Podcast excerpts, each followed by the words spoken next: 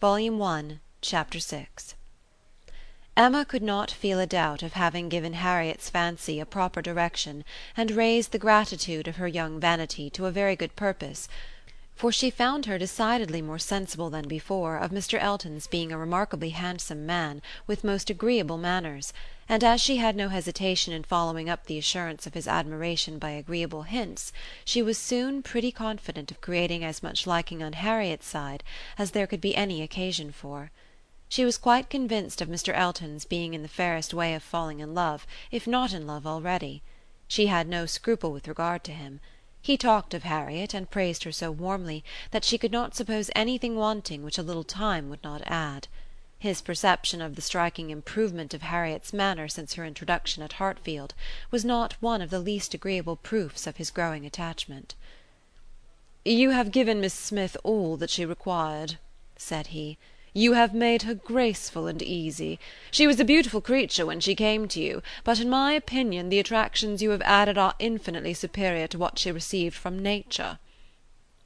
"I am glad you think I have been useful to her; but Harriet only wanted drawing out, and receiving a few, a very few hints. She had all the natural grace of sweetness of temper and artlessness in herself. I have done very little." "If it were admissible to contradict a lady said the gallant Mr. Elton. "I have perhaps given her a little more decision of character, have taught her to think on points which had not fallen in her way before." "Exactly so; that is what principally strikes me. So much superadded decision of character. Skilful has been the hand." "Great has been the pleasure, I am sure. I never met with a disposition more truly amiable." "I have no doubt of it and it was spoken with a sort of sighing animation, which had a vast deal of the lover.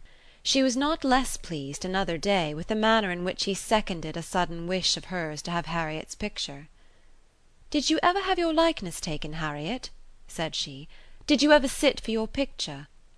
Harriet was on the point of leaving the room, and only stopped to say, with a very interesting naïveté, "Oh, dear no, never!"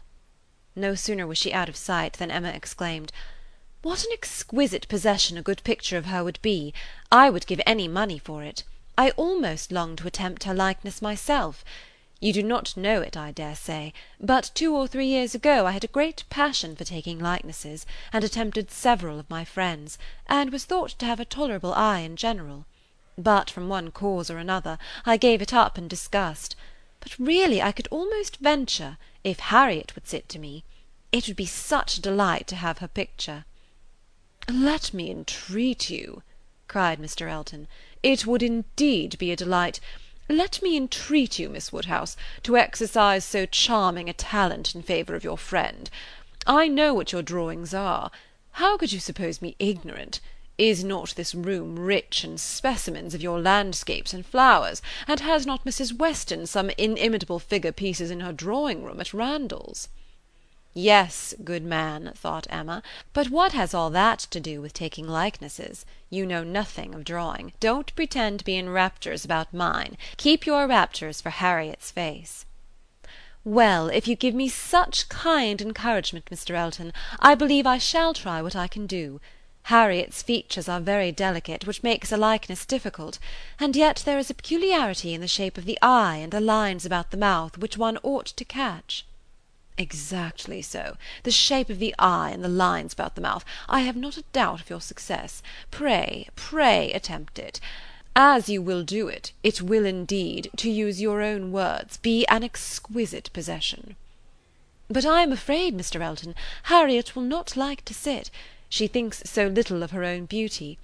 Did you not observe her manner of answering me? How completely it meant, why should my picture be drawn? Oh, yes, I observed it, I assure you. It was not lost on me. But still I cannot imagine she would not be persuaded. Harriet was soon back again, and the proposal almost immediately made, and she had no scruples which could stand many minutes against the earnest pressing of both the others. Emma wished to go to work directly, and therefore produced the portfolio containing her various attempts at portraits, for not one of them had ever been finished, that they might decide together on the best size for Harriet. Her many beginnings were displayed. Miniatures, half lengths, whole lengths, pencil, crayon, and water colours had all been tried in turn. She had always wanted to do everything, and had made more progress both in drawing and music than many might have done with so little labour as she would ever submit to. She played and sang, and drew in almost every style, but steadiness had always been wanting, and in nothing had she approached the degree of excellence which she would have been glad to command and ought not to have failed of. She was not much deceived as to her own skill either as an artist or a musician, but she was not unwilling to have others deceived, or sorry to know her reputation for accomplishment often higher than it deserved. There was merit in every drawing; in the least finished perhaps the most. Her style was spirited; but had there been much less, or had there been ten times more, the delight and admiration of her two companions would have been the same. They were both in ecstasies. A likeness pleases everybody, and Miss Woodhouse's performances must be capital. "No great variety of faces for you," said Emma. "I had only my own family to study from. There is my father another of my father but the idea of sitting for his picture made him so nervous that I could only take him by stealth, neither of them very like therefore. Mrs. Weston again, and again, and again, you see. Dear Mrs. Weston! always my kindest friend on every occasion. She would sit whenever I asked her. There is my sister, and really quite her own little elegant figure, and the face not unlike. I should have made a good likeness of her, if she would have sat longer, but she was in such a hurry to have me draw her four children that she would not be quiet. Then here come all my attempts at three of those four children. There they are, Henry and John and Bella, from one end of the sheet to the other and any one of them might do for any of the rest. She was so eager to have them drawn that I could not refuse, but there is no making children of three or four years old stand still, you know, nor can it be very easy to take any likeness of them, beyond the air and complexion, unless they are coarser featured than any of mamma's children ever were. Here is my sketch of the fourth, who was a baby. I took him as he was sleeping on the sofa, and it is as strong a likeness of his cockade as you would wish to see. He had nestled down his head most conveniently. That's very like. I am rather proud of little George. The corner of the sofa is very good. Then here is my last," unclosing a pretty sketch of a gentleman in small size, whole length. "My last and my best. My brother, Mr. John Knightley. This did not want much of being finished, when I put it away in a pet, and vowed I would never take another likeness. I could not help being provoked for after all my pains, and when I had really made a very good likeness of it, Mrs. Weston and I were quite agreed in thinking it very like, only too handsome, too flattering, but that was a fault on the right side. After all this came poor dear Isabella's cold approbation of yes, it was a little like, but to be sure it did not do him justice. We had had a great deal of trouble in persuading him to sit at all. It was made a great favour of, and altogether it was more than I could bear and so I never would finish it, to have it apologized over as an unfavourable likeness, to every morning visitor in Brunswick Square; and as I said, I did then forswear ever drawing anybody again.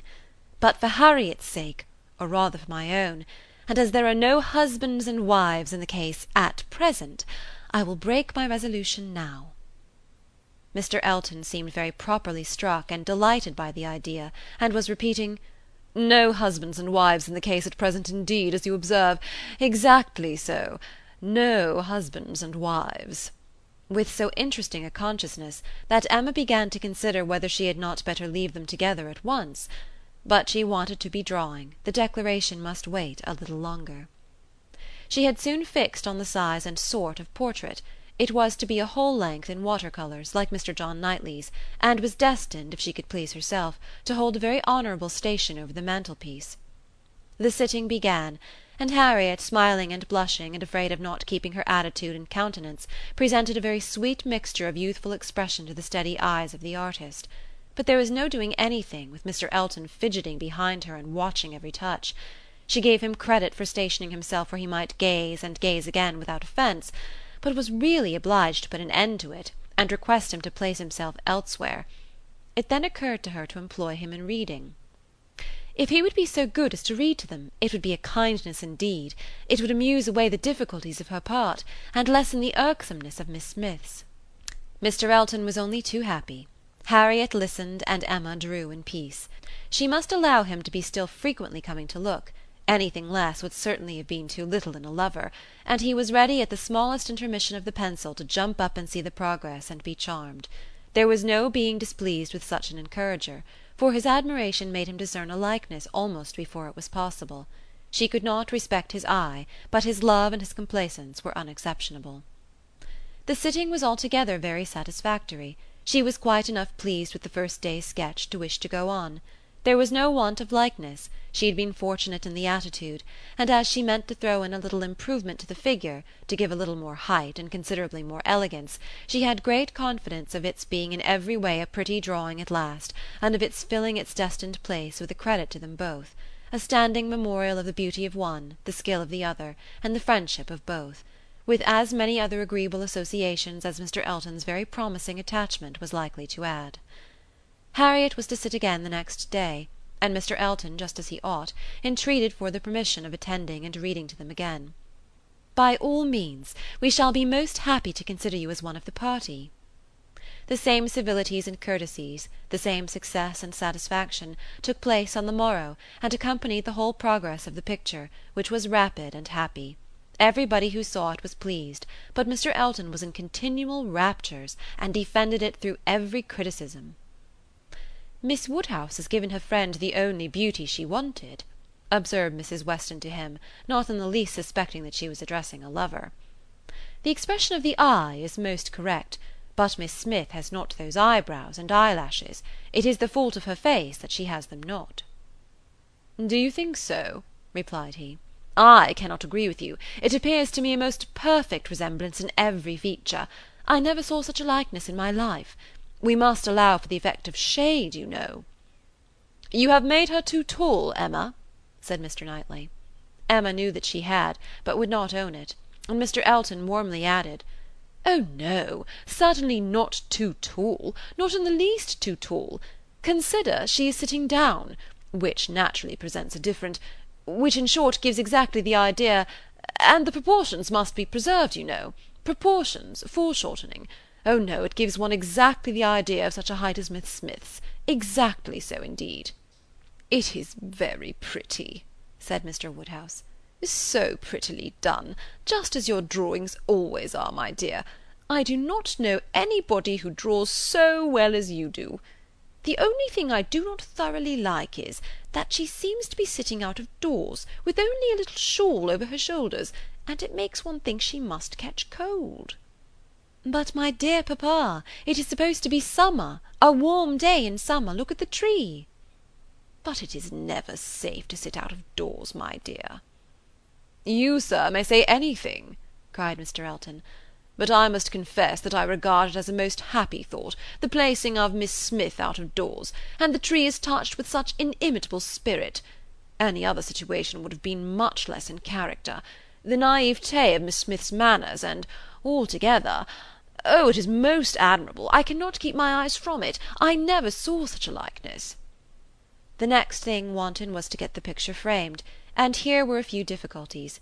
It must be done directly; it must be done in London; the order must go through the hands of some intelligent person whose taste could be depended on; and Isabella, the usual doer of all commissions, must not be applied to, because it was December, and Mr. Woodhouse could not bear the idea of her stirring out of her house in the fogs of December. But no sooner was the distress known to Mr. Elton than it was removed. His gallantry was always on the alert. Might he be entrusted with the commission, what infinite pleasure he should have in executing it! He could ride to London at any time; it was impossible to say how much he should be gratified by being employed on such an errand. He was too good; she could not endure the thought; she would not give him such a troublesome office for the world, brought on the desired repetition of entreaties and assurances, and a very few minutes settled the business. Mr. Elton was to take the drawing to London, choose the frame, and give the directions, and Emma thought she could so pack it as to ensure its safety without much incommoding him, while he seemed mostly fearful of not being incommoded enough. "What a precious deposit!" said he with a tender sigh as he received it. "This man is almost too gallant to be in love," thought Emma. "I should say so, but that I suppose there may be a hundred different ways of being in love. He is an excellent young man, and will suit Harriet exactly. It will be an exactly so, as he says himself. But he does sigh and languish and study for compliments rather more than I could endure as a principal. I come in for a pretty good share as a second, but it is his gratitude on Harriet's account.